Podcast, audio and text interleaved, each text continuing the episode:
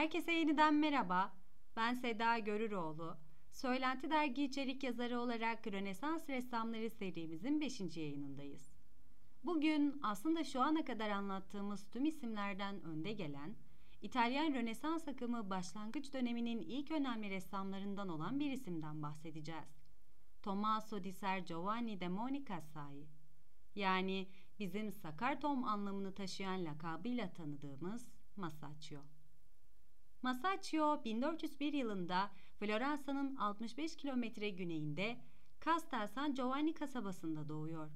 Babası Ser Giovanni de Mone Cassai 1406 yılında Masaccio 5 yaşındayken hayata veda ediyor. Babasının öldüğü yılda küçük kardeşi Giovanni doğuyor. Hatırlarsanız önceki yayınlarda dönemin İtalya'sı açısından sıkça bahsettiğimiz önemli bir detay vardı. Yetenekli çocuklar sanatı öğrenmek için bir süre bir ustanın yanında çıraklık ediyordu.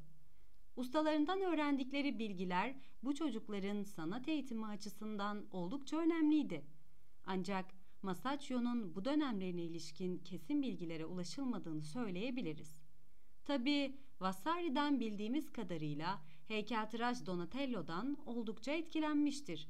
Hatta şöyle söyleyelim, Donatello'nun heykelde yaptığını bizler Masaccio'nun resimlerinde de görüyoruz.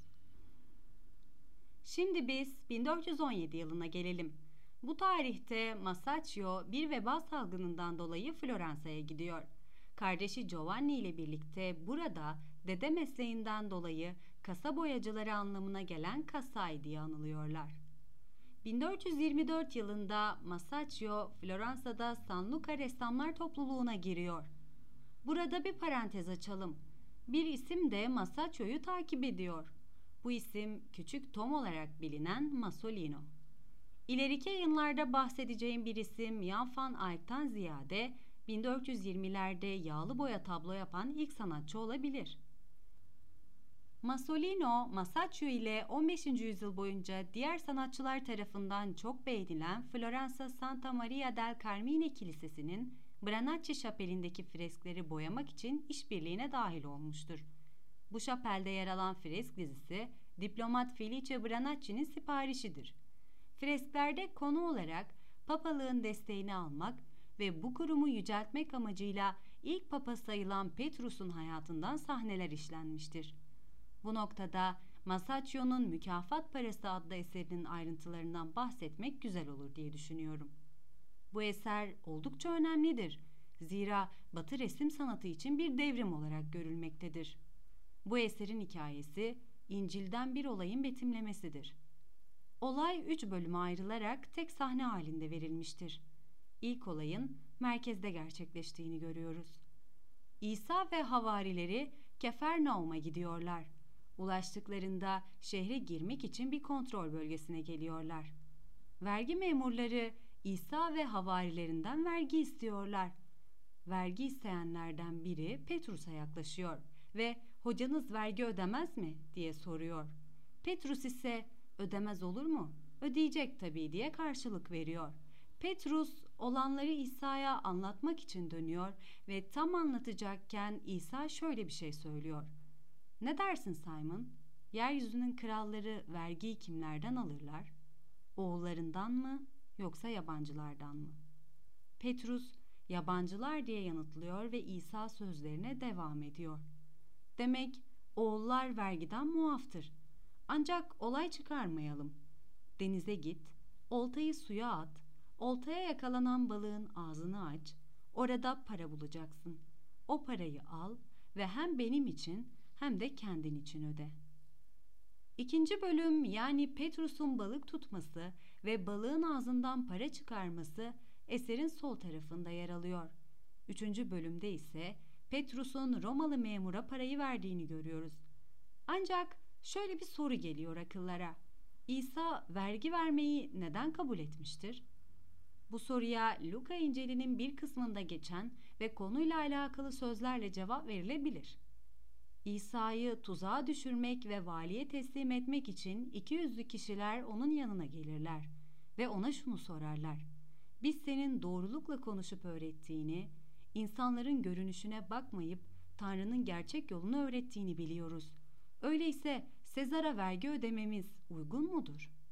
Adamların kötü niyetli olduklarını bilen İsa ise onlardan bir para ister ve paranın üzerindeki resim ve yazının kim olduğunu sorar. Onlar Sezar olduğunu söyleyince İsa da şöyle söyler. Öyleyse Sezar'ın hakkı Sezar'a, Tanrı'nın hakkı ise Tanrı'ya. Masaccio Mükafat Parası adlı eserinde İsa ve havarilerini Yunan filozoflarına benzer bir şekilde resmetmiştir. Üç bölümün tek sahnede görüldüğü bu eserin sinematografik anlatım türünün ilk örneği olduğunu söyleyebiliriz. Şimdi sizlere Masaccio'nun çok önemli bir eserinden daha bahsedeceğim. Floransa'daki Santa Maria Novella Dominik Kilisesi'nde yer alan Kutsal Üçlü eseri. Bu eser İsa'nın çarmıha gerilişini konu almıştır. Çarmıha gerilen İsa'nın alt tarafında Meryem Ana ve Yuhanna durmaktadır. Meryem Ana doğrudan bize bakıyor ve eliyle dikkatlerimizi merkezde yer alan olaya yöneltiyor. Aslında burada Meryem Ana ilahi ve fani dünya ile aramızdaki bağlantı olarak karşımızda duruyor. İşaret ettiği noktayla hatırlamamızı istediği bir şey var. Memento mori. Ölümü hatırla. Bir basamak aşağıda yer alan ve kutsal mekanın dışında tutulan iki figür ise bu freskin bağışçılarıdır. Eserde en dikkat çekici noktalardan biri freskin en alt kısmında yer alan Adem'in iskeletidir. İnanışa göre İsa'nın çarmıha gerildiği Golgota Dağı'nın altında Adem gömülüdür. İskeletin üst kısmında ise yine dikkatlerimizi toplayacak bir yazı yer almaktadır. Şimdi nasılsan ben de bir zamanlar öyleydim. Sen de benim şimdi olduğum gibi olacaksın. Masaccio daha sonra Roma'daki Santa Maria Maggiore'nin sunak resmi için Masolino ile birlikte çalışıyor. Burada kardinallerden çeşitli siparişler alıyorlar. Buradan yola çıkarak söyleyebiliriz ki artık bu iki isim epeyce tanınmıştır. Ancak bu seyahatin sonu Masaccio için pek de iyi olmayacaktır. Zira bu seyahat Masaccio'ya ölümü getirecektir. Genç ressam yoğun çalışmalar sonucunda oldukça yıpranmış ve yorgun düşmüştür. Vasari böylesine büyük bir sanatçının erken ölümünü kaderin kıskanmasına bağlamıştır. O, kendi kitabının Masaccio ile ilgili bölümünün sonuna Anibal Kor'dan şu şiiri eklemiştir. Resim yaptım, resmim gerçeğe denkti. Hareket, tutku ve ruh kattım figürlerime. Soluk alıp verirlerdi. Bu yüzden de herkesin hocası Buonarroti bir tek benden öğrendi. Buradaki Buonarroti bildiğiniz üzere Michelangelo'dur. Burada mezar kitabeleriyle ressam onurlandırılmıştır.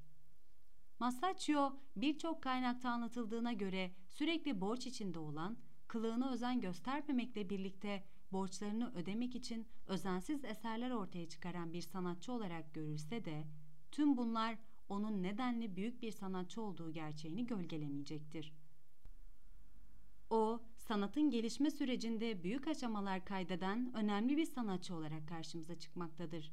Orta Çağ resim sanatının ana sorunlarını ele alan sanatçı, Rönesans resim sanatının başlamasına büyük katkıda bulunmuştur. Bu hafta Rönesans ressamlarının ilk isminden, Masaccio'dan bahsettik. Benim Masaccio üzerine söyleyeceklerim şimdilik bu kadar. Dinleyen herkese çok teşekkür ediyorum. Bir sonraki yayında görüşmek üzere, hoşçakalın.